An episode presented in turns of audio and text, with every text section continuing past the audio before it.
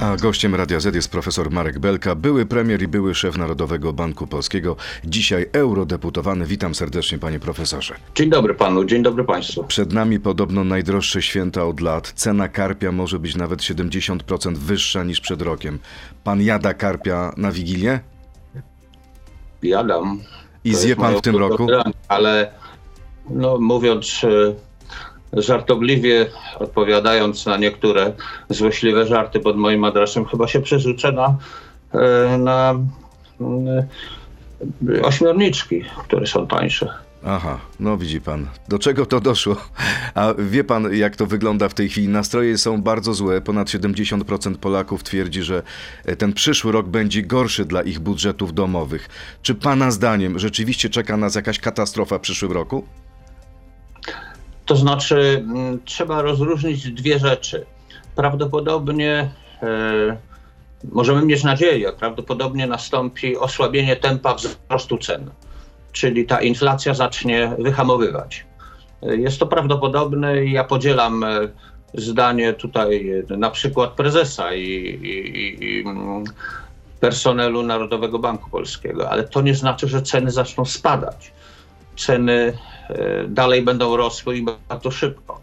W związku z tym rzeczywiście może być taka sytuacja, że e, nasze portfele będą chudnąć w dalszym ciągu w dziew- w 2023 roku. E, Natomiast z punktu widzenia gospodarczego i perspektyw, no powiedzmy sobie na dwa lata, na trzy lata, e, no to będzie e, coś, pozy- coś, coś pozytywnego. Czyli jednak dostrzega pan pewne symptomy, oznaki zmiany sytuacji, e, na przykład e, ta informacja o tym, że kurs złotego w relacji do walut innych rynków wschodzących wrócił do poziomu z początku roku. To jest coś dobrego? Tak, z tym, że ja bym w tej chwili, y, ja bym to łączył z osłabieniem dolara wobec, wobec euro. Jest taka zasada.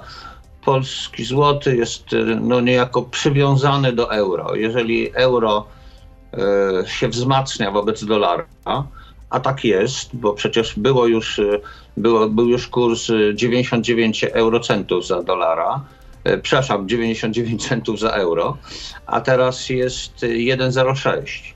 Więc to jest bardzo poważna, bardzo poważne wzmocnienie euro. W, takim, w takiej sytuacji złoty się wzmacnia także, tylko jeszcze bardziej. A co by Jest pan tak- doradził dzisiaj Polakom, którzy no, liczą każdą złotówkę?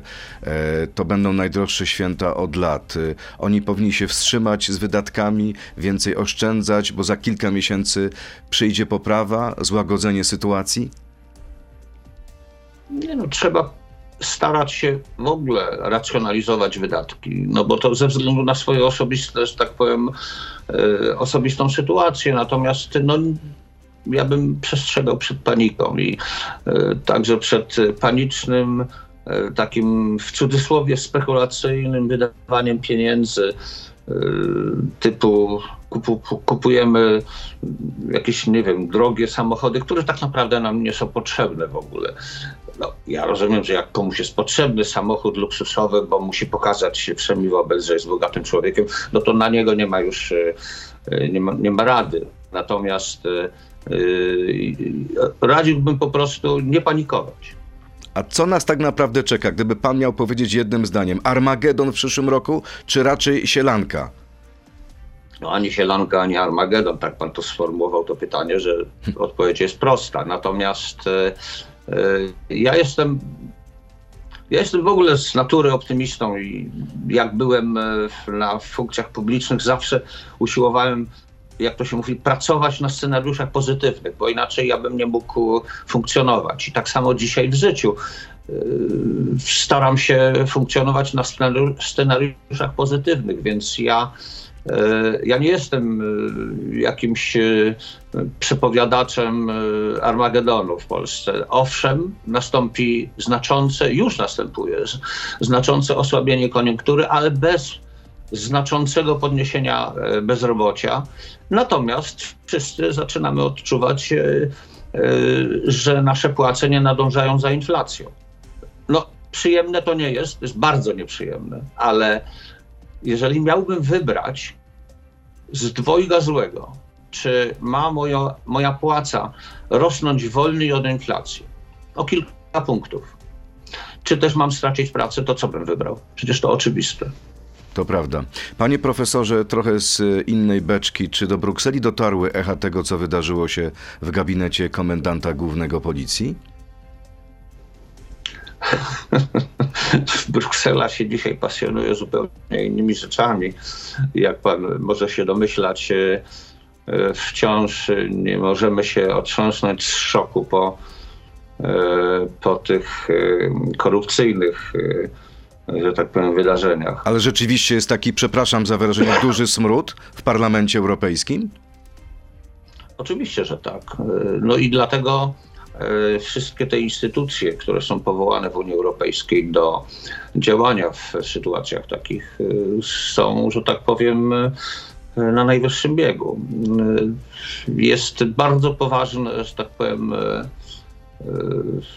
no zdecydowanie determinacja, żeby, no żeby takich sposobów żeby takich sposobów korupcji, takich kierunków korupcji uniknąć. Ja chcę powiedzieć, że takie przepisy w Unii Europejskiej są. Jeżeli ja się spotykam z kimkolwiek poza, yy, poza e, parlamentem, yy, to muszę to zapisywać w, rejestrze, w rejestrze kontaktów. Czy, czyli w zasadzie, no nie wiem, czy z panem to, to nie, dlatego że z mediami można się spotykać, ale gdyby pan przed, był przedstawicielem jakiejś firmy, nie wiem, produkującej szampony, to bym się, to bym musiał pana zapisać jako jako lobbysta. No to jak to się Ale dzieje, jest... jak to się stało, że doszło do aż takiej korupcji?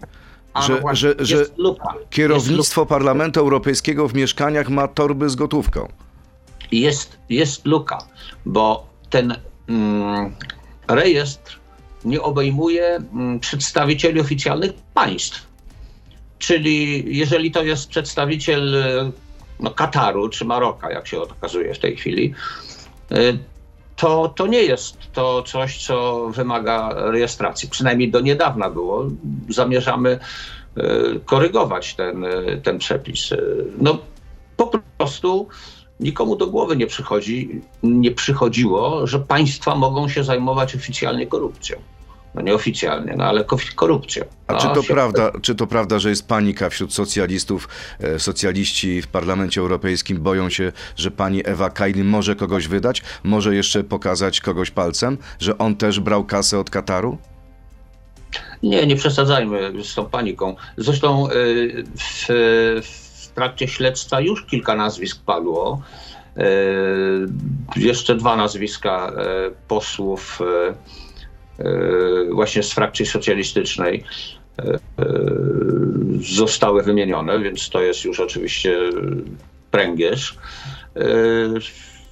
Wymienieni także są asystenci innych jeszcze, czy, czy in, innej posłanki, ale szczerze mówiąc, ja wśród swoich znajomych nie widzę żadnych, żadnego poruszenia, że tak powiem, poruszenia takiego, bym powiedział, strachu, paniki. paniki. A czy można powiedzieć, że reputacja Parlamentu Europejskiego legła w gruzach?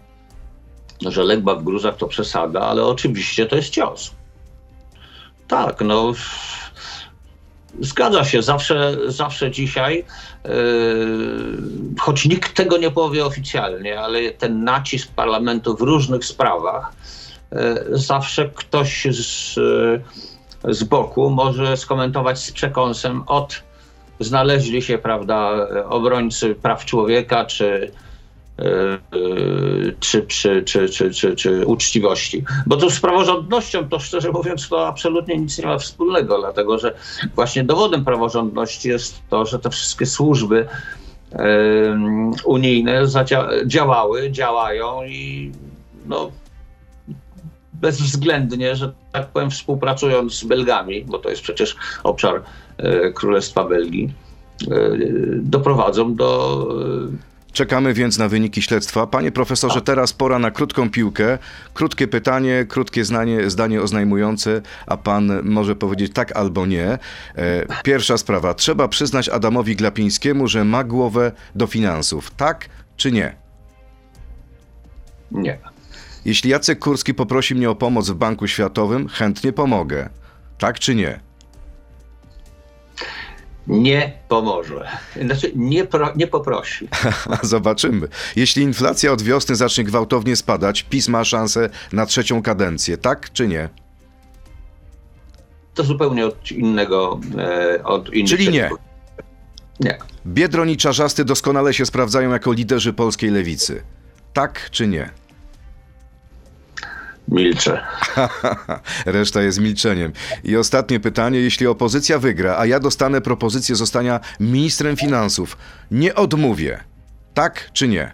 No Boże, znaczy Czyli jak pan dostanie Nie. propozycję, Od- od- przyjmie pan czy nie? odmówię. Odmówi pan. E, Ale Marek Belka nie odmówi uczestnictwa w drugiej części naszej rozmowy. Zapraszam państwa do internetu na Radio ZPL, Facebooka i YouTube'a. To jest gość Radia Z.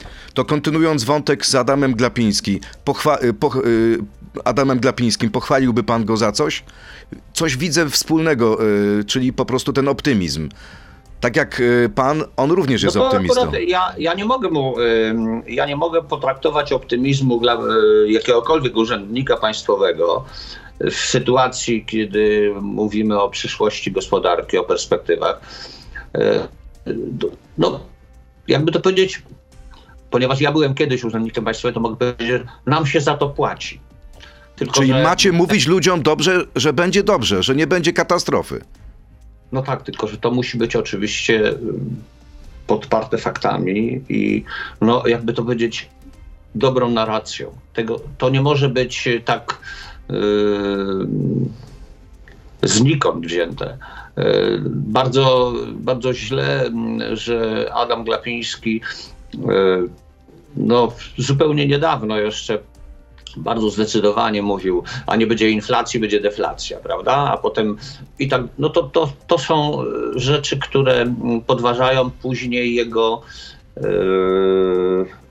jego, jego przyszłe wypowiedzi.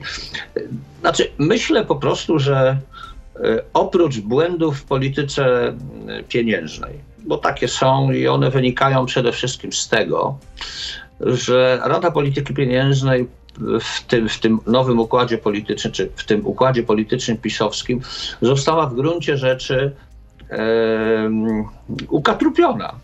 No, Rada Polityki Pieniężnej jest po to, żeby prezesowi przeszkadzać trochę. To znaczy, żeby z nim być w jakiejś kontrze, w dyskusji. E, A nie, e, żeby była podporządkowana prezesowi tak jak, e, tak, tak jak jest jeszcze. Ale to jest wina prezesa, czy wina członków Rady Polityki Pieniężnej, którzy nie potrafią Nie, mieć własnego to jest- zdania? To jest wina prezesa. To jest wina prezesa, bo on w ten sposób, ja myślę, że dobierał ludzi, a także w taki sposób tam zorganizował pracę. E, Więc nie, nie, po prostu. Ja wiem, że to jest łatwo mieć dziewięciu e, albo biernych obserwatorów, albo potakiwaczy, ale to jest strasznie niebezpieczne, dlatego że e,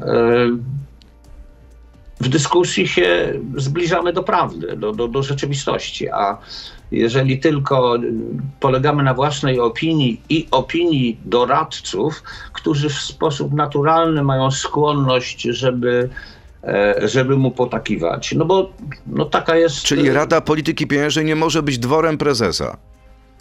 Absolutnie nie może być. To, tak. to przejdźmy do sprawy Jacka Kurskiego. Zaraz po nominacji pan powiedział, że czekają nas momenty wstydu. Mm, A może pan powinien dać szansę Jackowi Kurskiemu? Y, Ludzie mówią, że to jest inteligentny człowiek i szybko się uczy. No, nawet ja to powiedziałem. No właśnie. To co, Natomiast- daje pan szansę czy nie? To zależy od tego, czy on potraktuje tę pracę jako nowy rozdział kariery, czy też przystanek do e, następnych e, swoich e, mm, stanowisk w polityce krajowej. Dlatego, że ma teraz kilkanaście miesięcy, bo nie mówię trzech, trzech, trzech lat, ma trzy lata, bo tam jest praca tak zorganizowana, że to jest tak zwana konstytuanta, czyli taka grupa nie szwajcarska, tylko szwajcarsko-polska, bo myśmy wynegocjowali ze Szwajcarami, że będziemy naprzemiennie pełnić funkcję em, dyrektora wykonawczego.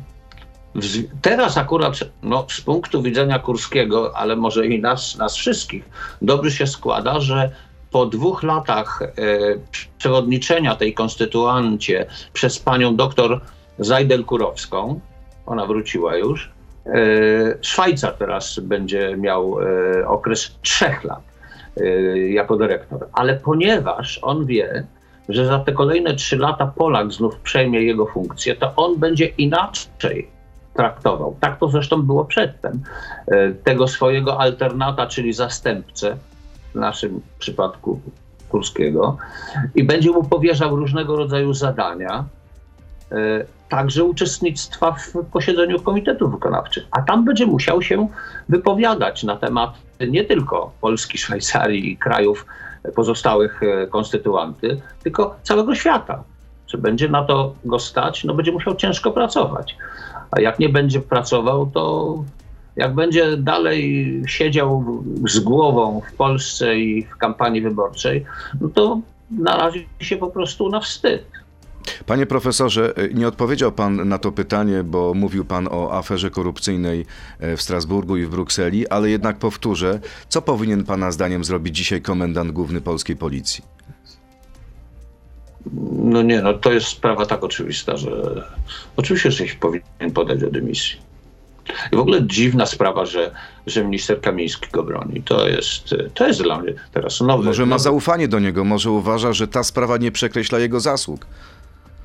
Tak, tylko że to jest tak y, y, spektakularna wpadka, że co z tego, że miał zasługi, jeżeli miał. Y, A wiele jest takich sytuacji, że bardzo dobry minister, bardzo dobry urzędnik państwowy y, podaje się do dymisji, dlatego, żeby uniknąć właśnie takiego ogólnego obciachu. Czy i to powinien zrobić teraz komendant główny policji, żeby co, policja nie była przedmiotem internetowych drwin, dowcipów, kpin? Także.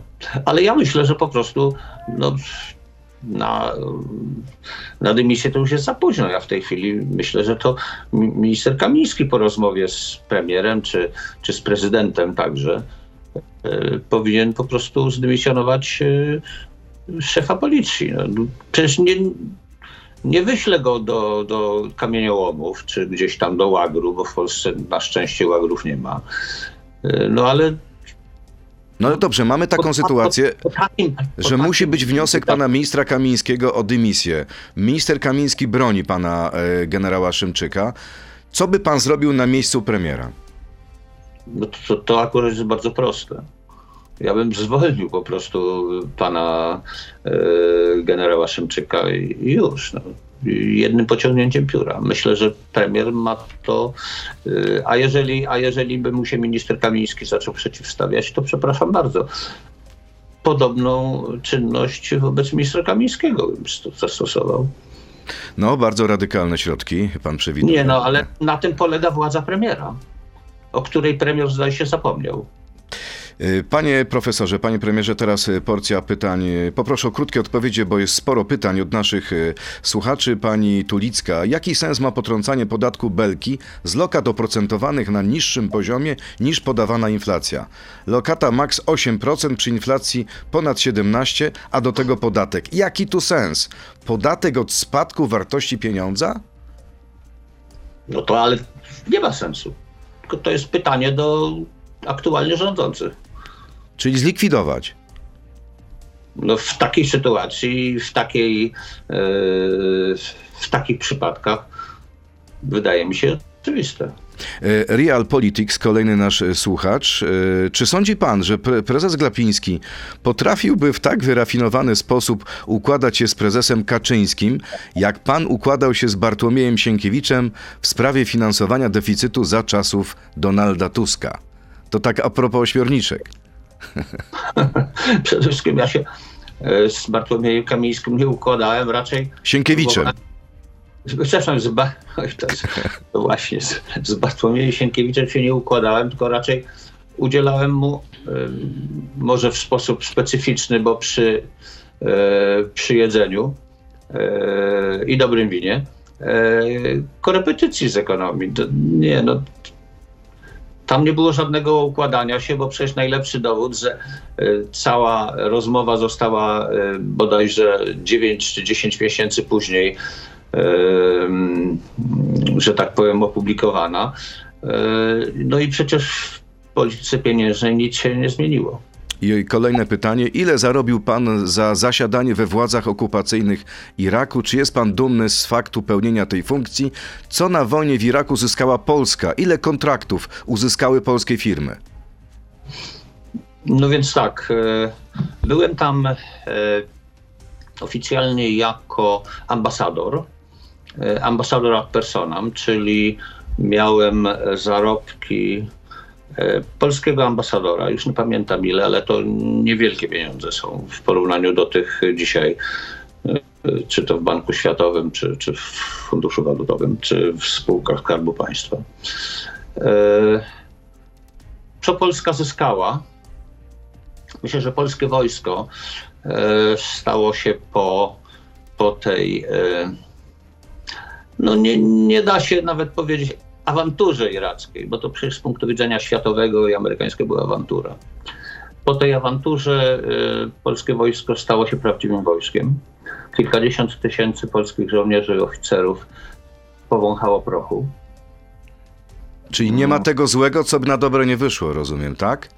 To znaczy, że dla polskiego wojska i dla Polski udział w tej mm, operacji nie był wcale zły. Myśmy jednak wtedy zaczęli być traktowani, nawet przez tych, którzy ostro nas krytykowali za udział w tej koalicji e, chętnych, Francja, Niemcy, e, z większym szacunkiem.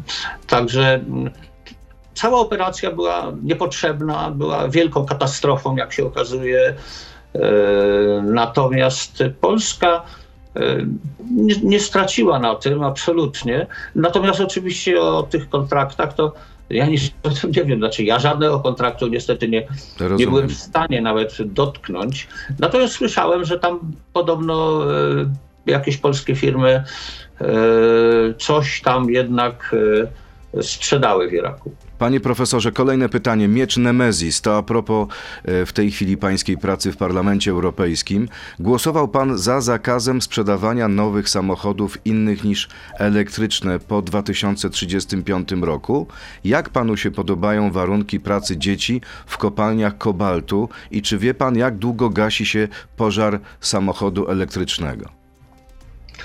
No jest właśnie, y, mogę na usprawiedliwienie, na usprawiedliwienie swoje po, powiedzieć, że te dzieci pracują, czy, czy w ogóle ludzie pracują w fatalnych warunkach, nie tylko w kopalniach kobaltu, ale i w, przy wielu innych y, y, czynnościach, przy wielu innych y, mm, gałęziach przemysłu czy, czy wydobywniczego przemysłu. Y, Chcę powiedzieć, że pracujemy jednocześnie nad e, takim, e, taką legislacją, która by zmuszała e, firmy, które się pojawiają na rynkach europejskich, do aktywnego działania na rzecz likwidacji, czy to pracy dzieci, czy, czy nieprzestrzegania zasad no, cywiliz- cywilizo- cywilizowanych w, w tego rodzaju działaniach. Tak, to jest oczywiście problem, ale my to widzimy i e, no, sam w tej chwili jestem tak zwanym shadowem, czyli, e, czyli re- reporterem cieniem e, w e, takiej właśnie sprawie, która ma, e, która stara się ograniczać bardzo negatywne I e, ostatnie, ostatnie działania. pytanie od naszego słuchacza Kuba Petrzaczenko. Czy uważa pan, że programy socjalne typu 500 plus powinny zostać zlikwidowane celem ratowania gospodarki? I jeśli tak, to czy jest szansa, że pojawi się rząd, który będzie w stanie to zrobić? Czy też jesteśmy skazani na spiralę powiększania świadczeń wymuszoną przez opinię publiczną? To znaczy tak, e, nie ma dzisiaj praktycznie kraju, który by nie rozwijał polityki socjalnej, e, którego przejawem jest między innymi program e, 500. rzecz w tym, że takie programy powinny być szyte na miarę e, możliwości mm, i potrzeb danego kraju. Ale co pan dzisiaj by zrobił na miejscu Donalda Tuska? Przecież chyba dobrze pan wie, że nie można dzisiaj wygrać wyborów deklaracją, że rezygnujemy z części tych programów. Nie, nie, więc ja przecież nie sugeruję tego. Tylko, że mm, sugeruję, że e, jeżeli władzę obejmie dzisiejsza opozycja, powiedzmy sobie ten Donald Tusk, o którym pan wspomniał, e, to ja bym się spodziewał, że e, ewentualne dalsze kroki w polityce socjalnej będą e, innego typu. Jakiego? No dobrze. Zamiast e, e, powiększać transfery pieniężne bezpośrednie do, do ludzi, mm, wydawajmy więcej pieniędzy na przykład na zapewnienie ciepłych posiłków w domach. Ja, te ciepłe posiłki to jest taki aż, aż, aż trochę tandeta, jak w moich ustach że tak powiem, z moich ust to wychodzi, dlatego że ja pamiętam, że o tych ciepłych posiłkach to ja pamiętam 20 lat temu, żeśmy już mówili i, i to się nie dało. E, Dzisiaj jest to o wiele prostsze, dlatego że są firmy cateringowe, więc nie trzeba byłoby e, nie trzeba byłoby w każdej szkole kuchni. Zatrudniać kucharki, tak jest. E, Pan... Ale to są, to są rzeczy, które będą kosztować skali kraju 2 miliardy. Oczywiście będzie 10% dzieci, którym to nie będzie smakować i 15% rodziców, którzy będą wydziwiać, że nie będą pozwalały, y, żeby ich pociechy y, takie, takie po prostu badziewie jadły, skoro polędwiczki w domu są tylko. Natomiast y, jest naprawdę sporo dzieciaków, które idą do szkoły głodne. No to takie rzeczy. Rozumiem. Panie Dlaczego profesorze, w szkole nie ma dentysty? Nie, musi, nie może być, to niech przynajmniej cho- przychodzi do tej szkoły dwa razy w tygodniu albo raz w tygodniu, żeby sprawdzić dzieciakom zęby. To, to takie rzeczy. czyli mniej transferów socjalnych, więcej posiłku, więcej e, przyjęć e, w gabinetach stomatologicznych w szkole. Wiemy, No jaki jest przykład, pomysł. Ale oczywiście to są, to wie pan, to tu chodzi Jasne. o to, o O podejście. kierunek, oczywiście. Panie profesorze, kwestia tego porozumienia z Brukselą, jakie przywiózł do Polski kilka dni temu minister Szynkowski-Sęk. E, Czy ta perspektywa nawet dogadania się zmienia rentowność polskich obligacji, zmienia e, wizerunek Polski, polskiej gospodarki na Zachodzie? No, myśmy się spodziewali, że rentowność obligacji dziesięcioletnich, bo to jest taki tak zwany benchmark, e, czyli, czyli punkt odniesienia, że on po, powędruje gdzieś tam aż do 10%, e, a w tej chwili bodajże jest 6,6. I e, no to jest świetna wiadomość. Ale dlaczego tak się dzieje? Z jakiego powodu, Pana zdaniem? A to zaraz panu powiem, właśnie, bo chciałbym powiedzieć tak, że te pieniądze, jakkolwiek wielkie one są, one na rynku walutowym nie będą miały większego znaczenia. Na rynku walutowym e, transakcji jest jeszcze więcej i to wielokrotnie więcej. W związku z tym bezpośrednio na kurs złotego i co za tym idzie, e, także na rentowność e, pośrednio, na rentowność polskich obligacji nie będzie to miało bezpośredniego znaczenia. Natomiast ewentualne porozumienie z Komisją Europejską oznaczałoby poprawę sentymentu wo- wo- wokół Polski. A no niestety, ale e, inwestorzy są, że tak się wyrażę, humorzaści. No, jeżeli będą widzieć, że w Polsce no jakoś odkręca się ten, ten e, antyeuropejski, czy w ogóle e, anty. e, znaczy taki, taki suwerenistyczny punkt widzenia, no to wtedy in, inwestycje na polskim rynku są, y, wydają się być mniej To ryzykowne. co by pan dzisiaj doradził opozycji? Jeśli oni mają projekt, konkretny projekt ustawy o Sądzie Najwyższym, czy opozycja powinna poprzeć ten projekt? Właśnie po to, żeby zmienił się obraz Polski na świecie. No Dobrze, tylko że ja już nie wiem, kto dzisiaj i, i jaki projekt y, y, o, o, o reformie Sądu Najwyższego przygotowuje, bo No to ja zapytam inaczej. Czy, czy pan by się czepiał, czy jednak nie? czepiałbym się, no, dlatego że to jest przecież bardzo. y, Tylko, że wie pan, to jest w ogóle tak strasznie delikatna materia. Ja myślę, że powinien pan to pytanie zadać prawnikowi, to jeszcze prawnikowi konstytucjonaliście, dlatego że e, ja mam w sposób oczywisty ten, e, znaczy tendencję, że no, zróbmy to w końcu, bo gospodarka jest najważniejsza. E, Natomiast wiem, że dzisiaj jakiekolwiek działania w tym, w tym, w tym, w tym zakresie dotyczące Sądu Najwyższego między innymi są tak skomplikowane, e, że tam e, Czyli diabeł może tkwić w szczegółach i trzeba dokładnie to wszystko może, przejrzeć. Może. Znaczy on, on na pewno tkwi w, w szczegółach i yy, no, no tutaj, no jeżeli to jest tak ważna sprawa, to może warto trochę wzajemnego zaufania, to znaczy zaufania opozycji do rządu, okej, ale może w drugą stronę też. Zobaczymy, czy tak będzie. Bardzo dziękuję. Potraktujmy to jako życzenia e, świąteczne i noworoczne. O właśnie. Wszystkiego dobrego, zdrowia, panie profesorze. Profesor Marek Belka, były premier i były szef NBP, dzisiaj eurodeputowany, był gościem Radia Z. Dziękuję bardzo. Dziękuję. To był gość Radia Z. Słuchaj codziennie w Radio Z i na player radioz.pl.